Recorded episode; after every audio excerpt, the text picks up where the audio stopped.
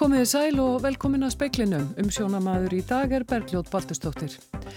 Öllum flugferðum frá Íslandi til Meirland Spánar hefur verið aflýst frá ágúst lokum og fram í oktober vegna COVID-19. Sóttvarnarleiknir segir að ekkert bendi til að sóttvarnarreglur hafi verið brotnar þegar starfsmæður hjúgrunarheimilis fór til vinnu á meðan maki hans var í einangrun vegna grunnsum koronaveiru smitt. Um 30 hópsíkingar hafa komið út frá einu smiti innanlands. Stjórnvöld skoða nú tillögur sem félög tónlistarmanna hafa sett fram um hvernig halda megi tónlistarlífi landsins gangandi. Mentamálar á þeirra á von á að stutt verði betur við menningarlífið í landinu. Ráðgátanum Akureyrar sónin svo kallaða heldur áfram speilin rætti við Akureyringa en skiptar skoðanir eru um þetta dulafillar hljóð. Kensla í flestum framhaldsskólum verður með óveinlegum hætti vegna koronaveirunar, bekkjum í mentaskólanum í Reykjavík verður skipti í tvent og sögulegar sættir náðust milli Ísraels og saminuðu arabísku fyrstadæmana í dag. Ekki var ástæða til að starfsmæður á hjúgrunarheimilinu Hamri í Mósfellsbæ væri í sóttkví á meðan makjans beði niðurstöðu úr COVID-prófi. Þetta segir sóttarnaleknir. Starfsmæðurinn greindist með veiruna í gær eftir að í ljós kom að makjans væri smittaður. Sangamt heimildum fréttastofu fór maki starfsmannsins í sínatöku á mánudag vegna grunnsum smitt. Þar hafi hann fengið þær upplýsingar að ef svar bærist ekki innan 24 klukkustunda væri það að öllum líkindum neikvætt. Á miðugdagsmorgun fær hann aftur á móti staðfest að hann sé með veiruna. Þá hafiði starfsmaðurinn veriði vinnu á hjúgrunarheimilinu í um tvær klukkustundir. Sínataka leiti í ljós að hann er einnig smitaður. Heimsóknir á hjúkrunarheimilið eru bannaðar næstu daga og hluti heimilismanna er í einangruna sótkví. Já, við höfum það reglur að einstaklingur sem er með einkenni og er grunaður um að vera með uh, þessa síkingu að hann er beðin um að halda sér til hlést þar til að hann fær nýðustöðu úr prófinu. En ekki magi? Eh, það er kannski aðra reglur um það vegna þess að viðkomandi sem er þá ekki veikur að það tekur lengri tíma fyrir makan að, að, að sína einkenni og þeir verða þá oft ekki smitandi fyrir að því kemur þannig að hætta þið miklu minni og, uh, og ég held að, að uh, það sé ekkert hægt að segja þessum tilviki að reglur hafa verið brotnar, ég get ekki séð það. Segir Þóraldur Guðnason í samtali við Þórtísi Arljótsdóttur. 41 hefur greinst með virt smitt við skimun á landamærum. Helmingur þeirra er Íslendingar. Um 110 af þeim 127 sem greinst hafa með veiruna innanlands í sömar eru með sömu hópsíkinguna. Hvað eru þetta margir klasar eða hópar þarna undir sem þið hafa ekki getað tengt saman? Það eru rúmlega, svona, rúmlega 30 klasar, það sem er ekki að tengja á milli eins og staðan er núna og það getur verið mjög erfitt að finna einhvern einstakling sem hefur smitað tvo einstaklingar sem ekki tengjast þannig að ég er ekki vissum að það takist. Saði Þórólur Guðnarsson að Alma Ómastóttir tók saman. Íslenskar ferðarskrifstofur hafa aflýst öllum ferðum til meginlands spánar frá 20. ágúst fram í oktober. Alls hafa stóru ferðarskrifstofurnar þrjár aflýst ferðum að verðmæti 2 miljörðum vegna faraldusins. Sólalandaferði til spánar hófust aftur um miðjan júli eftir fjögur að mána hlið vegna koronaveiru faraldusins og að sögn framkvæmtastjóra ferðarskrifstofunar Víta var uppselt í ferðir til að byrja með. Afkast að geta síkla og veirufræði deildar landsbytalans eikst til muna þegar hún flist tímabundið í húsnæði íslenskrar erðagreiningar. Karl G. Kristinsson, yfirlaknir síkla og veirufræði deildar landsbytalans var gestur og upplýsingafundi almannavarna í dag. Hann sagði að deildin hafi verið í startólunum strax í byrjun árs og komin með aðferð til að greina SARS-kórunuveiru í loki januar eða um mánuði áður en fyrsta kórunuveiru tilfellið grindist hér. Tækjamálun hefði mátt verið í betra lægi en landsbyttalum er skamta tækjakaupa fjö og hjá okkur hefur það mestu þurft að fara í að endur nýja nöðsynleg tæki. Nauðsynlega tæki hefur þurft að fara í tímafrekt útbóð og voru útbóðskögn næstum tilbúin þegar faraldunum skall á og neyðarstígi síðan líst yfir. Þá var ljósta afkastagetan er í takmarkandi þáttur. Við slíkar aðstæður megi sleppa útbóði og segir Karla strax þá hafi verið farið í að panta nauðsynlega tæki. Sum séu komin en aðaltækið kom ekki fyrir nýju november og þá var starfsfólki fjölgað. Starfsfólki hefur verið fjölgast frá ummunar og við erum búin að ráða 20 nýja starfsmenn til að sinna COVID-greiningunum og við flutt starfsfólk frá síklarhlutanum yfir á veirulhutadeildarinnar og um tíma voru einnig með starfsmenn úr bakvarðasveitinni. Karl segir að starfsfólki hafi lagt á sig mikla vinnu, sumir séu ekki ennþá farnir í sumarfrí og aðrir hafi breytt sínum fríum. Afkastagetana hafi verið um 2000 síni á dag en undan farna viku hafi sínin verið yfir 2500 að meðatali á dag og yfir 3000 síðustu tvo daga.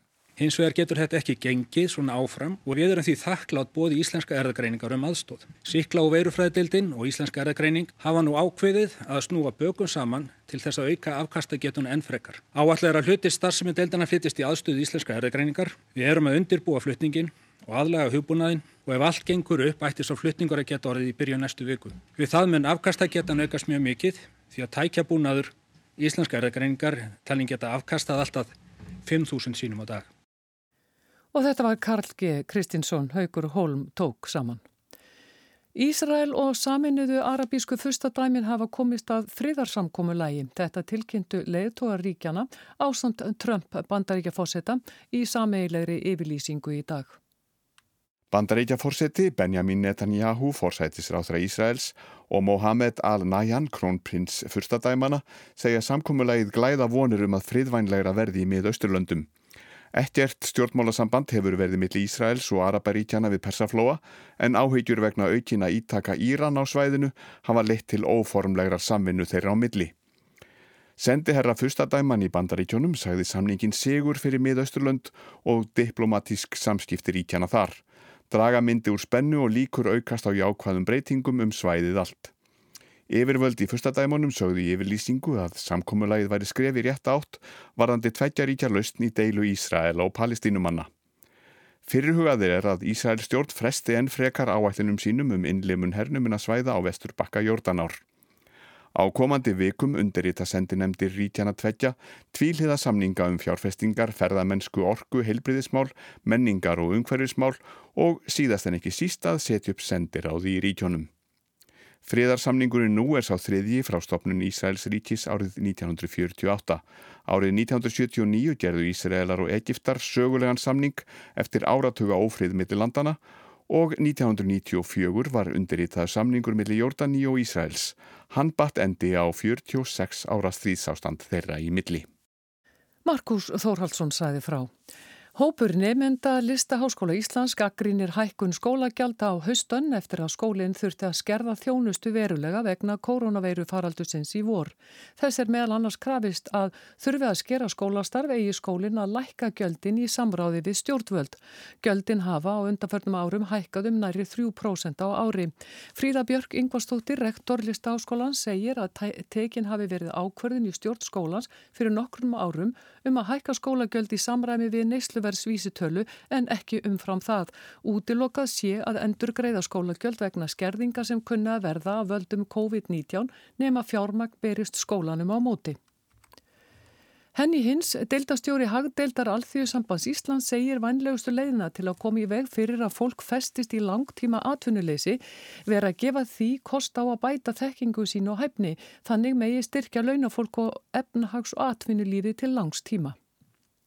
Anna Hrefna Ingemundardóttir, forstuðumadur efnahags við samtaka atvinnulífsins, varaði við hækkun atvinnuleysisbóta í viðtali á bylgunni í morgun. Hún sagði að með hækkun bóta mingaði kvati fólks til að leitaða vinnu og þannig gæti hún leitt til aukins atvinnuleysis. Henni gaggrinir umælinn og segir mikilvægt að taka mið af efnahags ástandinu í landinu. Ef við horfum á þetta bara út frá þessu efnahagsáfalli sem við erum í núna, þar sem að kemur ykkur utan að komandi vákistur sem þessi veira náttúrulega er og setur allt efnaðarslífið í mikla óvissu nánast stöðvar ákveðnar atvinnugreinar bara á mjög skömmum tíma að þá er eiginlega ekkert að segja það að með því að sko hafa atvinnlýsspætur nægilega lágar að þá leggir fólk harðar að sér við að finna störf vegna þess að þessi störf er einfallega ekki til staðar. Henni segir mikilvægast að tryggja atvinnuöryggi en það valdi atvinnuleysi fólki verulegu fjárhagslegu og félagslegu tjóni. Þá þurfi einmitt að huga því að hækka atvinnuleysisbætur og styrkja tekjutengd réttindi. Við skulum ekki sko gleyma því að grunn atvinnuleysisbætur eru réttaflega 290.000 krónur sem þýðir það að einstaklingur á grunnbótum atvinnuleysstringa er með innan við 240.000 krónur útborga á mánuði.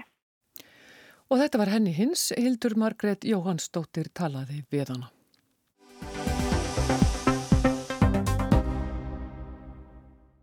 Mentamálar á þeirra á von á því að stutt verði betur við menningarlíf landsins en segir að ennþá sé ekki ljóst hvernig stöðningurinn verður útfærður.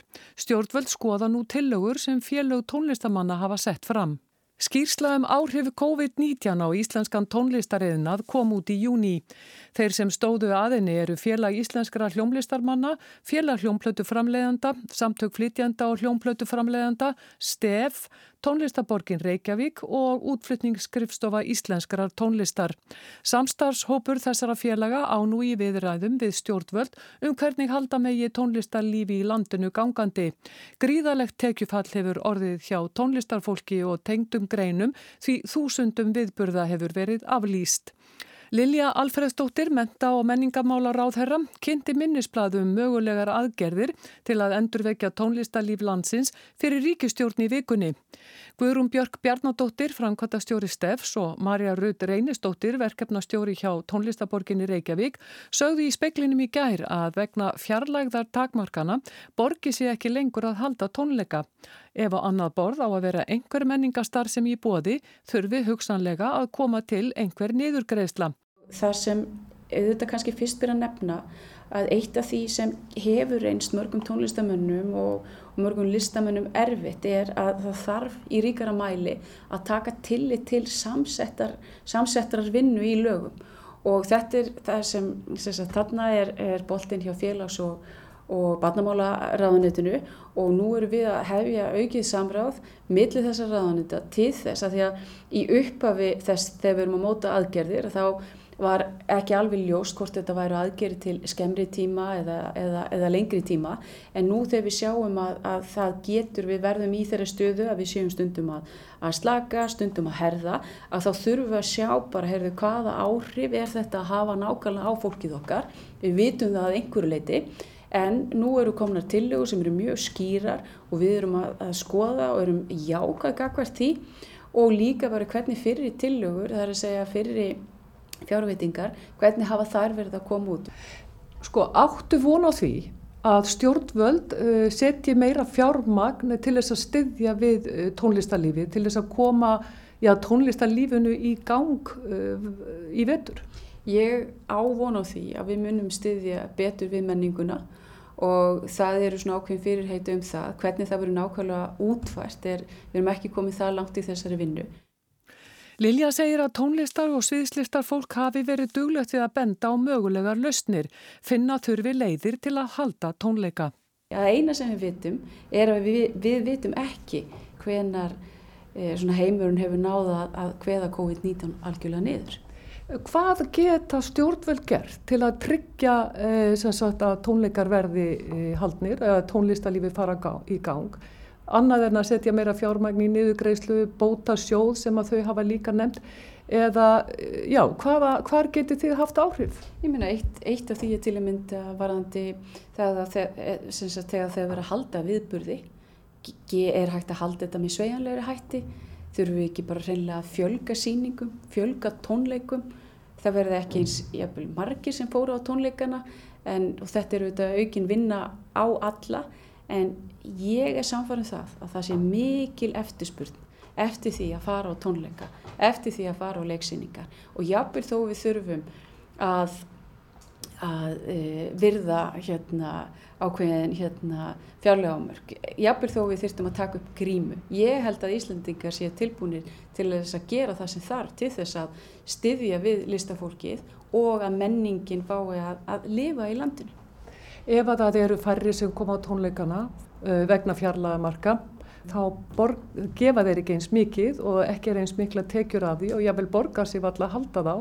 Um, uh, er, eru, eru stjórnveld að hugsa um að já, stopna sjóð eða eitthvað svoleiðis? Er eitthvað sem þú getur sagt mér um það með fjármagnið?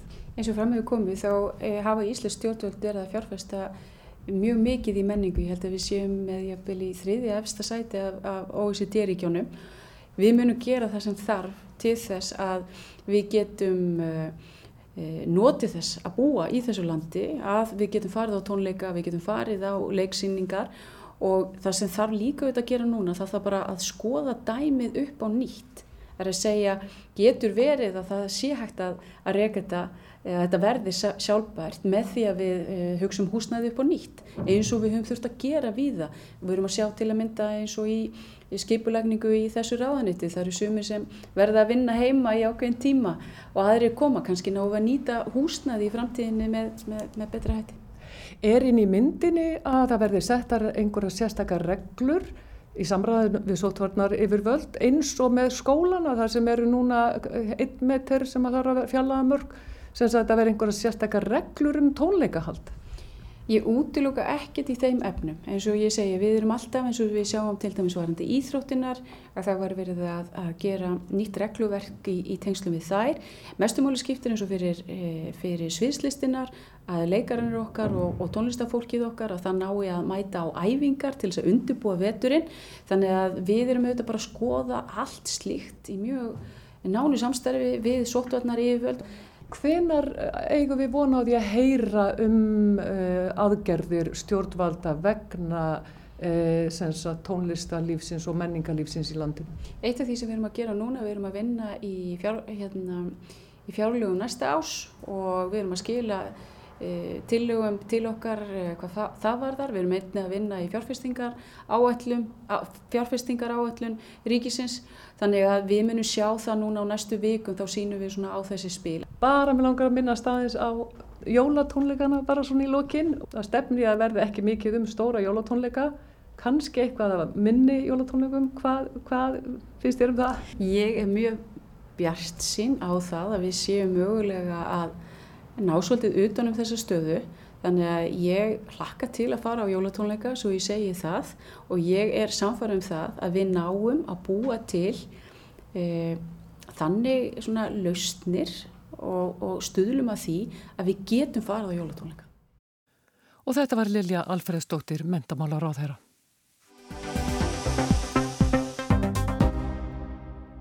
Ráðgátanum Akureyrar sónin svokallaða heldur áfram. Hljóðið, torkennilega, virðist hafa ángrað akureyringa í nokkur ár. Skiptar skoðanir eru meðal bæjabúa um tilvist hljóðsins. Umræðanum torkennileg hljóð á akureyri hefur verið fyrirferða mikil að undanförnu. Þetta er þó ekki fyrsta skipti sem slík umræða fer á stað því sumarið 2014 var greint frá því í staðarblæðinu Akureyri vikublað að heilbriðisfulltrúi væri að rannsaka dularfull hljóð í bænum. Björn Þorláksson var reittstjóri blaðsins þegar málið var til umfjöllunar fyrir rúmum 6 árum. Hann segir erfitt að segja til um hvort um sama hljóð sé að ræða. Sko þarna 2014 þá, þá var aldrei sönnunagagn. Þá, þá, þá náðist aldrei hljóð upptaka þá var þetta bara svona nokkuð uh, hávær nokkuð hávær orðrómur uh, hér og það er í bænum. Með minnir sko, ég var að reyna að rifja þetta með minnir að það hafi verið sko þegar kom þriðja frettaskotið um þetta hljóð þá hafi ég ákveðið að fara í málið. Og þá kom, í, kom á daginn að, að heilbriðisfulltrúi Norrlands eistra, hann, hann, einhver hafi ringt í hann og hann var að rannsaka þetta þetta hljóð sem maður kallaði þá dular fullt hljóð eða drauga hljóð eða reyndir svona að gera eitthvað spennandi þessu sko. Þráttur í rannsók heilbriðisfulltrú árið 2014 komst aldrei botni í máli þá. Nú sex árum síðar verðist sambarlegt hljóð heyrast en í þetta skipti hefur tekist að hljóðrita sónin. Þorvaldur Bjarni Þorvaldsson, tónlistastjóri menningarfélags Akureyrar, byrti þessa upptöku á Facebook í gær.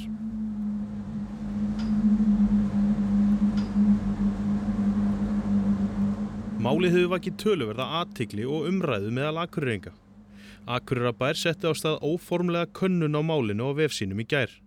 Þar hafa yfir þúsund svör borist og ef markam á könnunina hafa tæplega 40% bæjarbúa heyrt hljóðið. Ég vinn nú á umhverjastofnun og enn og þegar þetta tekið upp, ég er þannig komin úr hátíðispásu og, og við all, öll eh, starfsmenninir, við vorum öll að ræða þetta sem er starfstöðu hérna á Akureyri sko og og, og, og svona, þetta er bæði mjög áhugavert en svo finnst mann þetta líka opaslega pleppalegt og það var einhvern veginn líka sko, tilfinningi sem ég hafi þegar ég var að fjalla með þetta fyrir sex árum að, að hérna, uh, það var allir sjúklarn áhuga á þessu en það er samt eitthvað svona mjög skrítið við þetta saman Það undarlega við hljóðið er að sumir verðast heyra það mjög greinilega og hreinlega ekki geta sofið vegna þess á meðan aðrir heyra það ekki. Við tókum nokkra bæjarbúa á Akureyri tali í dag. Já, heyrir þetta mjög vel. Hvað, ertu með einhverja kenningar um hvað þetta getur verið? Nei, ekki þannig en, en mann er búin að fara að gruna sexskutnum fyrir neðan því að það var svo sem í umræðin og, og þetta virðist koma hérna neðan frá höfninni allavega kringum hóf svona manni heyrist það en, en ég svo sem hef ekki enga fullirðingar um það sko. þetta er bara svona stöðut hljóð bara eins og sé risastóri vifta í gangi eða, eða maður að háþrýsti þó þetta er svona kvinur og eiginlega bara já, skerst í gegnum bara veggi og allt Hefur þetta ángrað þig? Þetta er svona orðið alltaf pirrandi núna, þetta er svona fjórði, fymti dagar sem þetta er alveg og sérstaklega núna þegar það var kvast í nótt þá var þetta bara þó nokkuð hátt í nótt. Sko. Hefur þú orðið vörfið þetta hljóð? Nei, ekki til í dæminu. Nú býð hérna má segja næsta húsi við Þorvald Bjarnar og hann heyrir þetta greinilega en ekki ég. Hvað heldur þetta gæti verið sem fólk sé að heyra? Ekki hugmyndu það. Heldur þetta sé bara hreinlega bara einhver ímyndu? Ég veit það ekki, nú veit ég um þarna óhljóðum sem voru á hjalderi fórðum og það var ekkert í þeim. Þannig ég veit ekki hvort að þetta er eitthvað sem að aðrir heyrir en ekki ég. Aldrei heilt þetta, með sjónvappinu og útvarpinu. Þú býr hérna á Akureyri? Ég býr á brekkunni, já. Hefur þú orðið varfið þennan, þetta drungalega hljóð? Já, ég var varfið það hérna á þrjóðarskvöldið. Og hvað hva heldur þetta að sé? Ég get bara eiginlega ekki ímyndum með það. Ég held kannski að væri búið að finna lausnina með skútuna en ég geti alls ekki átt með þessu. Ég heyrði þetta bara mjög skýrt. Þannig að þetta er bara dula fyrsta mál? Já, mér finnst það. Ertu með einhverjar kenningar? Nei, þetta er náttúrulega eitthvað staðar, eitthvað vindur kemur í gegn eitthvað staðar og, og býr til þetta ljóð. Ég veit ekki hvað það getur verið. Ég hef bara heyrt það, ég heyrði það núna hérna. Ég heyrði það bara núna. En þú, við erum stött hérna í miðbænum Akureyri og þú heyrir hljóðið akkur núna? Ég heyrði það núna hérna og ég fór að tala við þig. Getur þú líst þessu hljóðu fyrir mig? Bara ú, ú, bara eins og sért að blási tóma balfrönu eða, eða eitthvað svolítið. Ángar þetta þig? Nei, ekki, ekki eins og er. Þetta er náttúrulega leiðinlegt. Þetta greinilega það er vindurinn sem hefur áhrif á þetta. Það er lengstar opirur sem þarf að setja tappa í. Við þurfum að finna að lusna á þessu? Já. Takk að gæla fyrir og auðvitað góðan dag.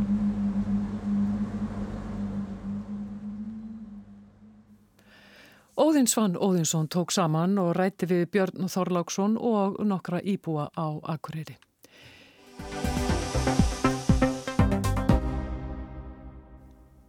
Kensla í framhaldsskólum verður víðast hvar með allt öðrum hætti en venjulega vegna koronaveirunar.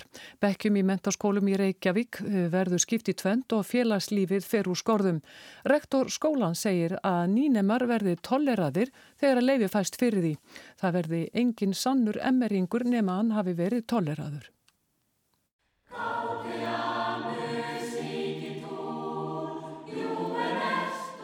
Það er ljóst að kennsla og nám bæði í háskólum og framhalskólum mun mótast mjög að nærfuru koronavirunar. Skólahaldi verður flókið og talsvert öðruvís enn í vetur þegar veiran fór af stað. Já, já, þetta verður í rauninni mjög flókið. Við þurfum að skipta upp nefndahóknum. Segir Elisabeth Simsen, rektor metaskólans í Reykjavík. Starsmenn skólans hafa undanförnu unnið hörðum höndum við að skipuleikja námið. Hún segir að miði að við það reglur sem nú gilda verði reynda að leifa nefndum að komast eins mikið í skólan og hægt er. Gert var áð fyrir að skólahaldi hæfist 20. ágúst en nú er ljóst að ekki verður því fyrir enn þann 24.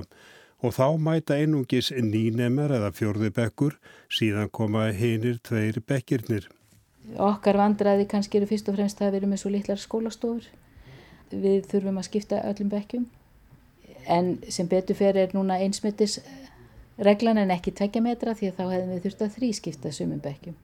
Í meginatruðum verður skiplaði þannig að helmingurinn í hverjum bekk mætir eittund daginn og hinn helmingurinn situr heima og fylgist með kjenslunni gegnum fjarfundar búnað. Máli er þó ekki svo einfalt því ekki rægt að vera með þetta fyrirkomlag dag frá degi. Nei, það gengur ekki út af húsnaði.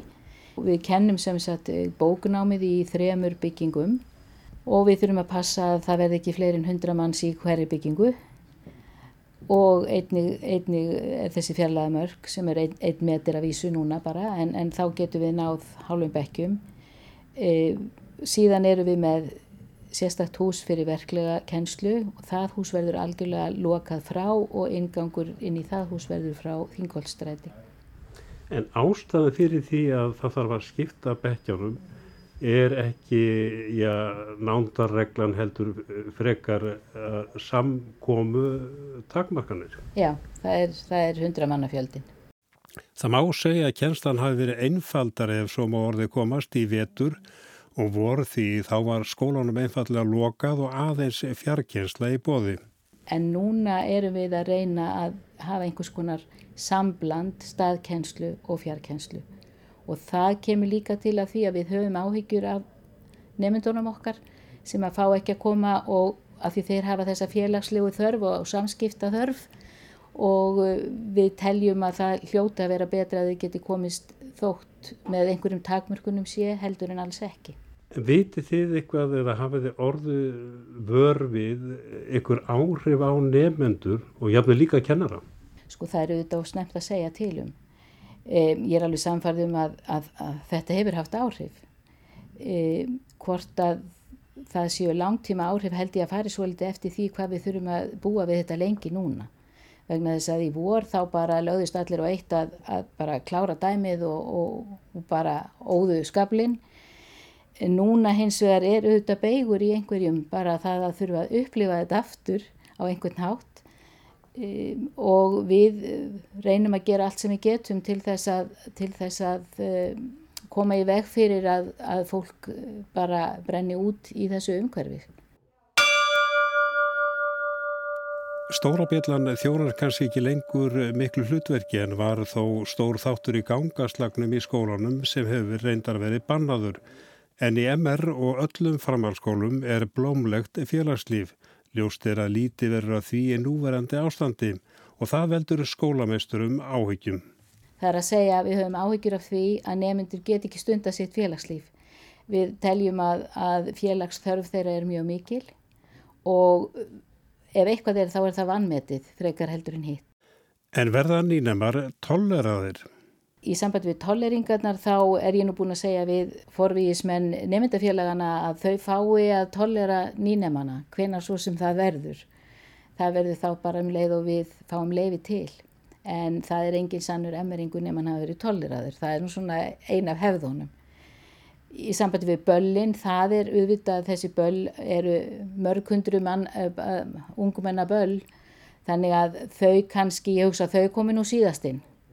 En það er margt annað sem að félagslífið er með, það eru leikfélög og, og það eru alls konar klúbastarfsemi og ýmislegt og, og við verðum bara smám saman að fyrir okkur áfram hvað við getum leift þeim að gera.